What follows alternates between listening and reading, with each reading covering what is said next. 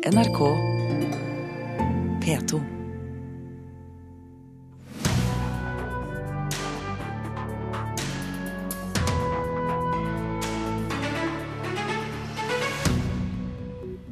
Museene somler med innsamling av fotografier fra vår egen tid, og vi risikerer at bilder slettes og forsvinner. Innovasjon Norge påstår at Norge fikk medieomtale verdt 1,6 milliarder kroner i fjor. Tall som dette er tatt ut av luften, sier PR-ekspert når firmaer beregner verdien av medieomtale. Han møter Innovasjon Norge til debatt. Og Bendik Cumberbatch, kjent som Sherlock fra TV, skal spille Hamlet på scenen i London. Det er Storbritannias eh, mest omtalte teaterpremiere, også her i Kulturnytt. Og så skal vi snakke om hva teaterhøsten har i vente i Norge. Kulturnytt i Nyhetsmorgen i NRK med Ugo Fermariello. Selv om vi tar flere fotografier enn noensinne, er museene trege med å samle inn fotografier som er tatt med mobiltelefoner og digitale kameraer. Det haster med å komme i gang, fordi bilder kan gå tapt lettere enn før. Nå skal et nytt prosjekt få fart på arbeidet med å ta vare på denne delen av kulturarven. Her er jeg i kjøla ligger bildene våre. Arkivar Berit Bass ved Jærmuseet har bildene lagret på kjølerom i pappesker og hengemapper. Det er nok flere hundre tusen. De gamle analoge papirfotografiene blir digitalisert, slik at de kan brukes i utstillingene. Men fotografier som i utgangspunktet er tatt med digitalt kamera eller mobiltelefon, såkalt digitalt fødte fotografier, har hun langt færre av på Jærmuseet digitale fotografier de er såpass nye, så de har ikke kommet inn ennå. Siden eh, overgangen til eh, det nye årtusen, så har det blitt stadig mer eh, bruk av digitalt fødte fotografier. Og dette gjenspeiles foreløpig lite i museenes samlinger. Sier Madeli Gjerman ved Haugalandmuseene, som er fotoarkivar for regionmuseene i Rogaland. Museene de somler, selv om nordmenn allerede i 2012 lastet opp 17 millioner bilder på Facebook hver måned. Det har vel litt med at det er eh, et vanskelig område. Det skjer veldig mye nytt innen eh, den digitale teknologien. Vi ser stadig endringer i hvordan fotografiet tas i bruk, og vi har kanskje ikke klart å helt henge med der. Og Samtidig så har museene en viktig samfunnsoppgave i å identifisere og dokumentere eh, de endringene som skjer i samfunnet. Med 300 000 kroner i støtte fra Norsk kulturråd skal hun nå i gang med et prosjekt som skal se på hvordan museene kan få fart på innsamling og bevaring av bilder fra tida vi lever i nå. Nå er jo nesten alle fotografer.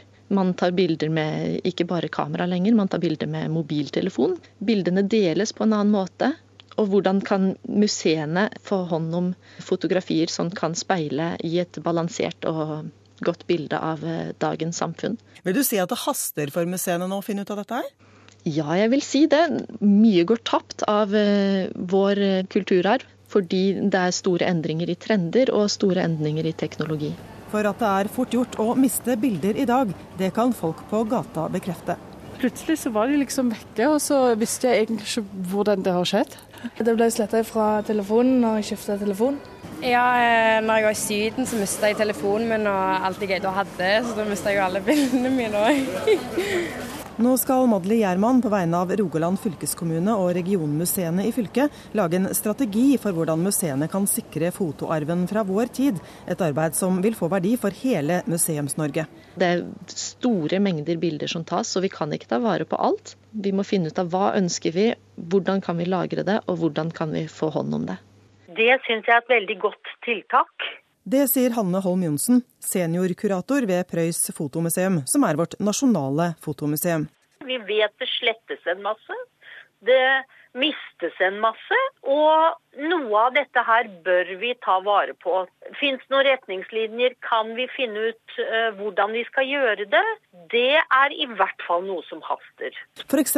har Stockholm Lens museum laget nettsiden Samtidsbild, der publikum kan laste opp sine egne private bilder fra den svenske hovedstaden, som så bevares for framtida. Hanne Holm Johnsen har stor sans for den svenske nettsiden. Så lenge det ikke er anonymt, så lenge du har en styring på hva det er, så syns jeg det er veldig greit. Og vi burde stole på folk kanskje enda mer enn det vi gjør. Sa Hanne Holm Johnsen ved Prøys museum, som er nasjonalt fotomuseum, reporter Anette Johansen Espeland. Per Olav Torgneskar, seniorrådgiver i Kulturrådet. Det er Kulturrådet som har bevilget penger til prosjektet vi hørte om ved Haugalandmuseene. Hvorfor? Det handler jo litt om de tingene de er inne på i reportasjen.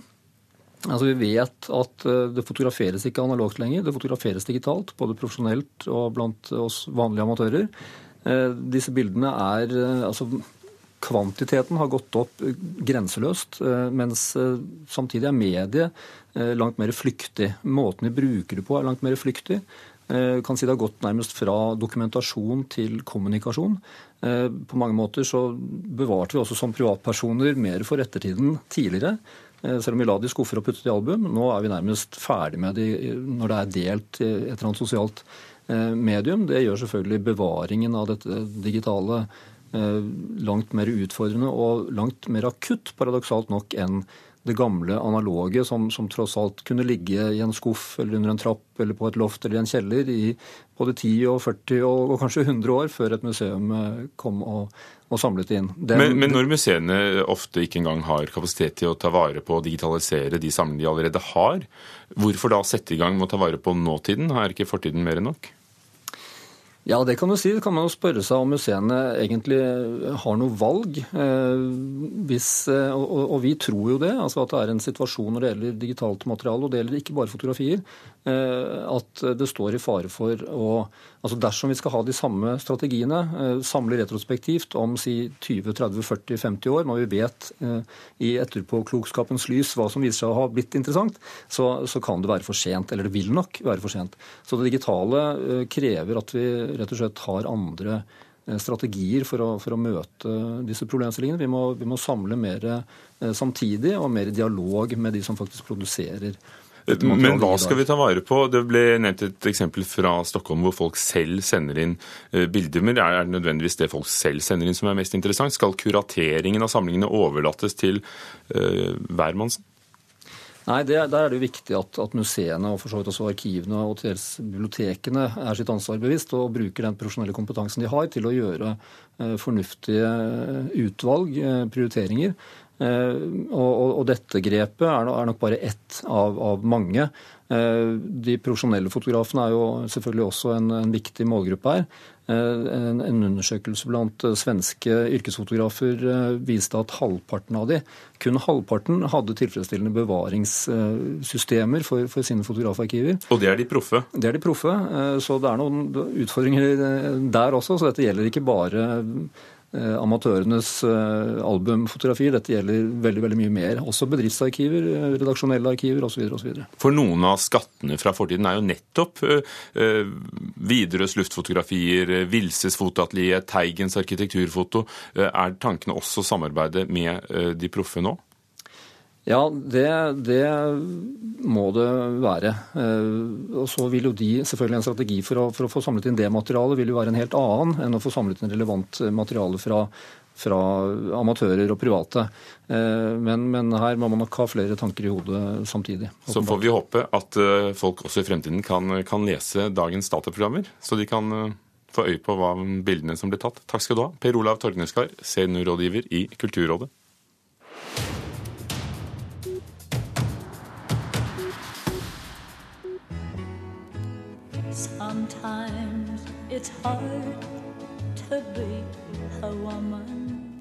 En av USAs mest kjente countrymusikkprodusenter, Billy Sherrill, er død.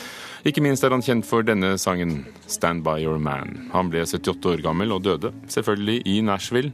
Sherrill var med på å utvikle den spesielle countrylyden fra 60-tallet, med stryker og koring og annet som gjorde sanger som nettopp Tanny, Tammy Wynette kjent langt utover den vanlige lytterskaren. Og denne låten var han også med på å skrive, sammen med Tammy Wynette.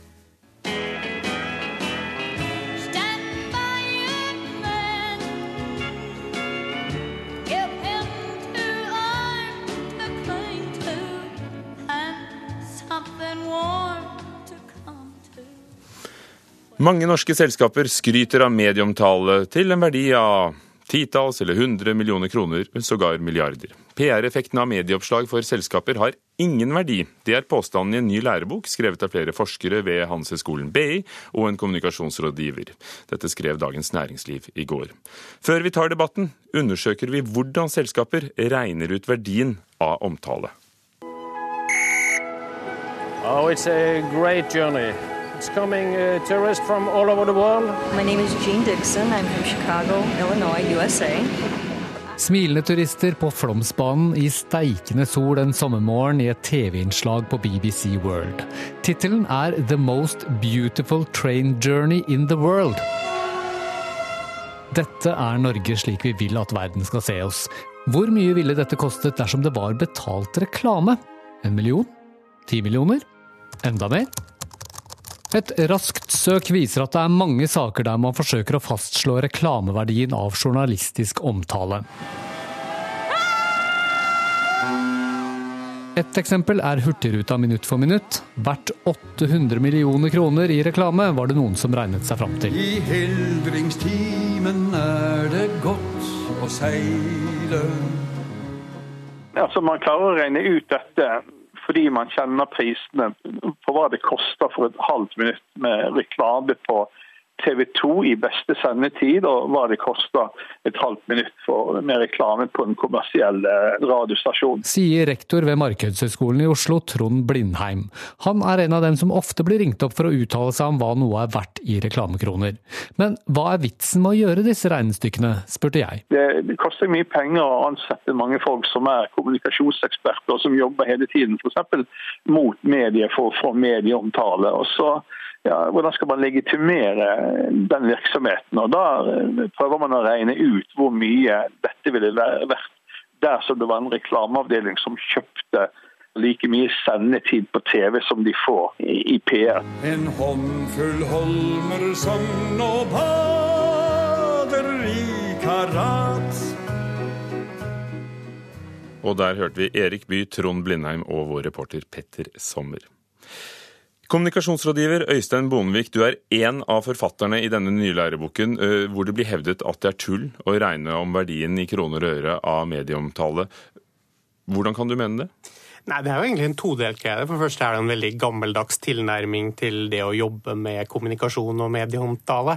Eh, men kanskje det aller verste er jo at dette er både upresist og kanskje tenderer litt mot uetisk, fordi du rett og slett lager en illusjon her om at noe som egentlig ikke er sammenlignbart, er sammenlignbart, og så setter man en, eh, en sum på det som tidvis er nærmest er latterlig høy.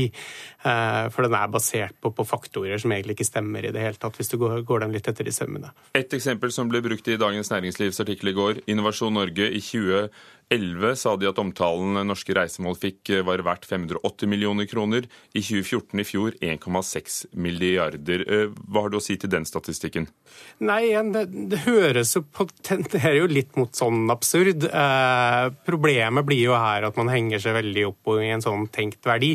Jeg så det de hadde satt opp eh, på ett år her, var jo 581 millioner 515 866 kroner. Eh, og det blir jo sånn presist, så presist at det blir upresist, skal jeg nesten til å si. Eh, stopp litt der. Audun Pettersen, direktør for bærekraftig reiseliv og mat i Innovasjon eh, Norge. Så presist at det blir upresist. Kan dere virkelig måle dere frem til hva norgesreklamen er verdt? 1,6 milliarder i fjor. Nei, Jeg er nok ganske enig jeg er egentlig med, med forfatteren her. i forhold til at Presseverdi er jo kun én av ganske mange indikatorer som vi bruker i forhold til å måle faktisk det arbeidet vi gjør. Og som jeg sier, Det er en indikator, og smak litt på ordet en indikator, rett og slett et, eh, et sett som vi, vi, bruker for å måle innsatsen vår. Men dere er vel vitende om at dette blir brukt og, og, og, slått opp. Kan det være at dere bruker denne indikatoren for å rettferdiggjøre bevilgningene og, og kostnadene dere har ved å sende folk på presseturer til Norge osv.? Nei, det gjør vi ikke. Og vi er ganske tydelige på det at det, det er ganske store, store endringer i mediebildet som bl.a.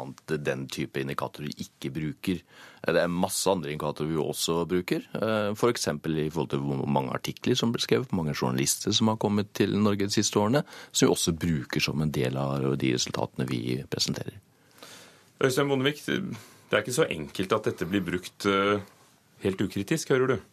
Nei, nei, jeg skjønner jo det og, det, og det skal man jo ha en kritisk tilnærming til. Men jeg syns fremdeles Innovasjon Norge jobber med veldig sånn, sånn suboptimale ting. altså Fremdeles antall oppslag, antall besøkende. Journalister sier vel ganske lite hvis man ikke på et eller annet vis kan prøve å se hva det fører til i andre enden. For det vi har vært litt opptatt av når vi har jobbet med denne boken, er jo at du ikke bare stopper stopper på en slags tenkt annonseverdi. Eh, hadde du noe kjøpt annonser for 1,4 milliarder, så ville du vel sannsynligvis ha målt hva de 1,4 milliardene hadde gått til.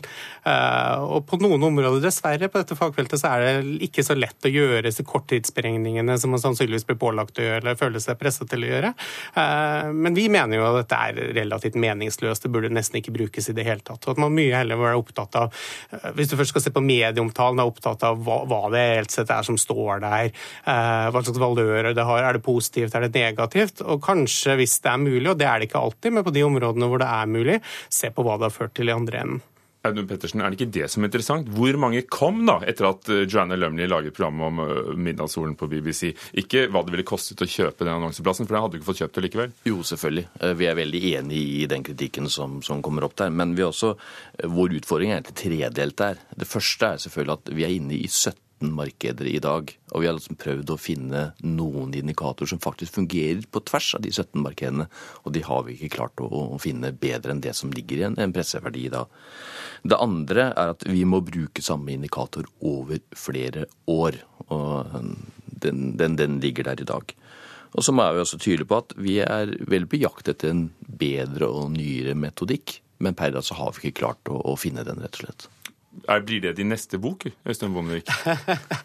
Problemet med metodikk Det finnes jo metodikker man kan gjøre, men noen av de er så kostnadskrevende, tror jeg, at mange faktisk ikke gjør det.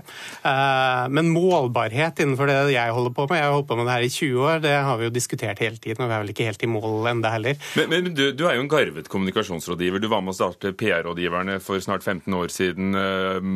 Opptre Opptrer på vegne av First House, har ditt eget selskap, skriver lærebøker, underviser på BI.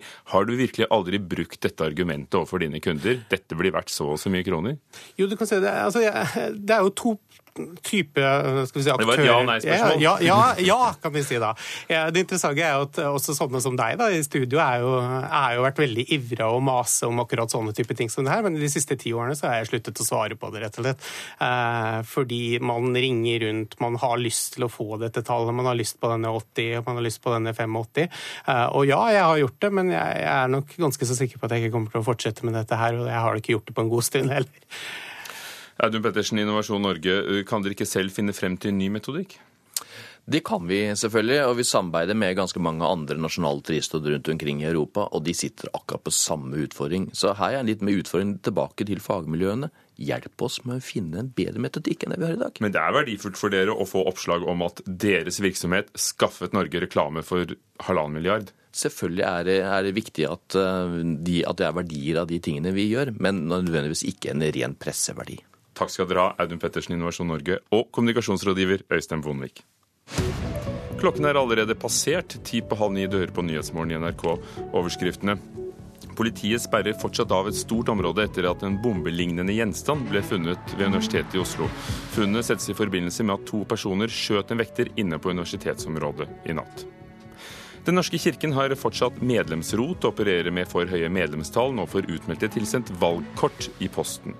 Og Norge er den første vesteuropeiske landet som inngår formelt partnerskap med det sørøstasiatiske organisasjonen ASEAN.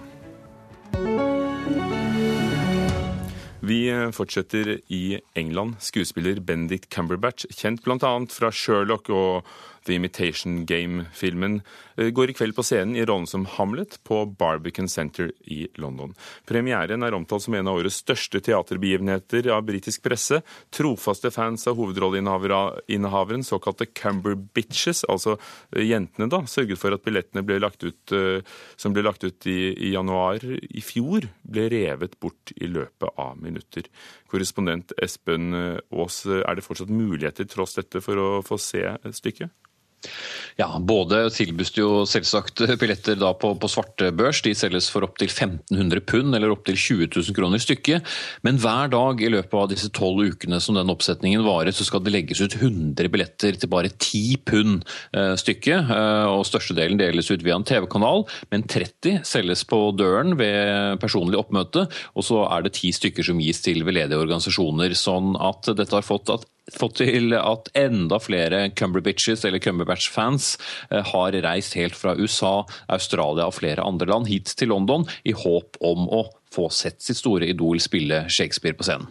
Nå er det ikke noe nytt at, at, kjente skuespillere fra film og TV går til scenen, og, og, særlig i England er det jo mange som hele tiden er aktive på scenen. Hvilke kunstneriske forventninger er det til eh, Cumberbatch i hovedrollen? Cumberbatch har jo en helt særegen måte å, å, spille på, og de fleste kjenner ham jo selvsagt som du nevner innledningen fra særlig BBC-serien om den litt eh, moderne uh, Sherlock Holmes, og også igjen denne filmen 'Invitation Game. Uh, Cumberbatch selv har jo sagt at dette er noe han alltid har hatt lyst til å gjøre, å få stå på scenen og, og spille Hamlet, og, og, følger jo da i sporene til mange andre TV-stjerner, flere av Dr. Who-skuespillerne, David Tennant, som mange norske TV TV-serie kjenner fra serien Broadchurch, Christopher Eccleston. Og så har vi jo eh, Shakespeare-veteraner som, som, Kenneth eh, Branagh eh, blant andre, som også har gjort dette. Så han får i hvert fall den drømmen oppfylt. Han har jo holdt seg litt vekk fra rampelyset nå en stund, både etter å ha blitt gift og, og nylig fått et barn. Så dette blir jo et sånn slags comeback for Cumberbatch i, i rampelyset igjen. Er det et poeng for teaterlivet i London å få disse vi kan nesten kalle det megastjerner til scenen? Det er jo et tveget sverd, og særlig nå da, med Bendik Cumberg som har en så stor fanskare blant uh, unge kvinner. Uh, det har jo ført til selvsagt en stor, uh, stor, interesse for å få sett stykket, men det gir også en masse praktiske utfordringer. denne fanskaren er jo veldig annerledes enn det tradisjonelle teaterpublikummet, selvsagt. og Derfor har The Barbican måttet innføre forskjellige regler. Blant annet vil ikke være anledning til å levere gaver, blomster eller andre oppmerksomheter til hovedskuespilleren på, på døren ved teatret. Eh, han kommer heller ikke til å gå ut etterpå og skrive autografer. Uh, og Det er jo strenge regler når man går i teater, særlig når det gjelder det å ta uh, bilder, selfies og, og, andre bilder. Det er strengt forbudt, og det kan jo bli interessant å se om uh, Shakespeare-kompaniet klarer å holde fansen fra å gjøre det når de først får se Bendik Cumberbatch på, på nært hold på scenen. For dette er altså det berømte Shakespeare-kompaniet som, som, setter opp. Det må vel være noen andre som også er litt kjent i denne forestillingen? Ja, men det er ingen som skrives om utover Bendik Cumberbatch. Eh, I tillegg til Shakespeare-kompaniet selv, selvfølgelig, som nå er da tilbake til eh, The Barbican, som de flyttet fra, eh, om du vil, tilbake i 2001, og har flyttet nylig tilbake. sånn at det i seg selv får jo også mye presse. Takk skal du ha, Espen Aas, i forkant av Bendik Cumberbatchs London-premiere som Hamlet. Eh, og fra en Hamlet til en annen, for Shakespeares eh, tvilende prins blir også å se på norske scener denne høsten. Karen Frøsland Nystøyl, vår eh, teaterkritiker her i NRK. Kan vi vente oss noe i nærheten av det Espen Aas beskrev fra London? Ja, Det hadde jo vært veldig hyggelig hvis folk hadde villet ligge i sovepose utenfor Trøndelag Teater for å skaffe seg billetter til eh, Hamlet når Espen Klaumann Høyner skal eh, gestalte han om eh, ja, nøyaktig en måned, faktisk. Vi kan kanskje parallellføre litt, for Espen Klaumann Høyner er for mange kjent fra NRK-serien Kampen om tungtvannet, der han spilte Leif Tronstad. Så det er en, en seriekjendis som òg da går til eh, verket og, og spiller Hamlet. Det er jo en av de virkelig store rollene du kan gjøre. Og det skjer da på Trøndelag Teater i høst.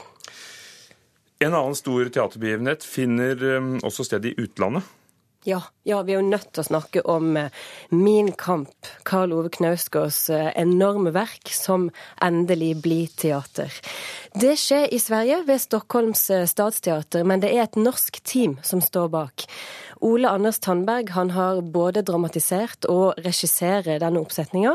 Og han har med seg Erlend Birkeland på scenografi og Ellen Ruge på lys, og det er et solid team. Skulle ikke dette skjedd i Norge? Eh, jo, det skulle skjedd i Norge, men, eh, og det var Nationaltheatret som skulle satt opp bl.a. med Harald Eia i, i, det kunstneriske teamet der, men det, det ville seg rett og slett ikke. Og det er klart at et sånt prosjekt har en enorm fallhøyde. Og det er kanskje derfor eh, Statsteateren velger å sette dette opp på lilla scenen, og ikke på den enorme hovedscenen de har. For da, da kan man eventuelt ta det av plakaten hvis ikke det funker. Men Eller flytte det til den store hvis det funker. Ikke sant. Det er det man kan. Trøndelag har vi snakket om. Stockholm. Kan du uh, sveipe over landet? Ja, det blir jo et veldig urettferdig og raskt sveip, men vi starter i nord, der Hålogaland teater spiller to ganger Ibsen. En forestilling der fruen fra havet møter lille Eyolf. Det kan jo bli et interessant møte, tenker jeg. Nordland teater har et nærmest ordløst stykke som heter Vannposten, som handler om reisende som møtes med ei vannkran som bare står og renner, og hva som kan skje rundt denne vannkrana. Ellers så tror jeg at jeg har veldig lyst til å ta meg en tur til Sogn og Fjordane denne høsten. For der setter de opp et stykke som heter Fjordmann. Det handler om eh, norske, hvite, ensomme menn, ensomme ulver, som begår terroraktige handlinger. Det er ikke et 22. juli-stykke, det er en egen hendelse, men det er klart det peker jo tilbake på hendelser i, i nær fortid. Og det peker på bloggeren som går under nettopp det navnet? Det kan hende. Det er ikke så relatert til han, men det er klart når vi hører navnet Fjordmann, så tenker vi jo alle på han. Det blir et, et spennende stykke. Og de setter òg opp så vakker du er, den fine lille romanen til Brynjulf Jung Kjønn som teater for ungdom, og den, den gleder jeg meg til å se.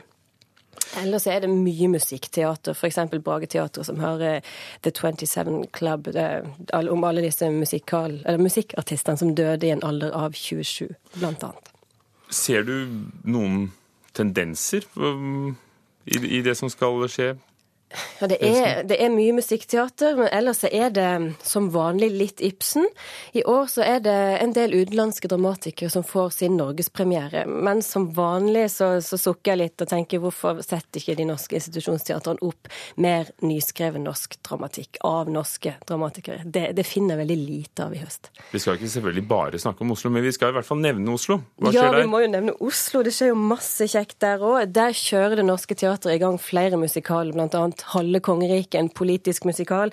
Eh, soga om Egil Skallagrimson. Og Nationaltheatret har en oppsetning som heter Klassen vår, som, eh, som handler om eh, krigen, eller de siste 20 årene før krigen begynte, og hvordan det var når, når de begynte å ta livet av jøder. I, um, I, en skoleklasse, altså i en landsby, der, der krigen plutselig gjorde sterkt inntrykk og liv ble tapt. Takk. Det var noe av det som venter oss på Teaterhøsten. Karin Frøsland Nystøyl, Marianne Myhrvold, Thomas Alversen Nova og Ugo Fermariello hadde Kulturnytt. Du hører på Nyhetsmorgen.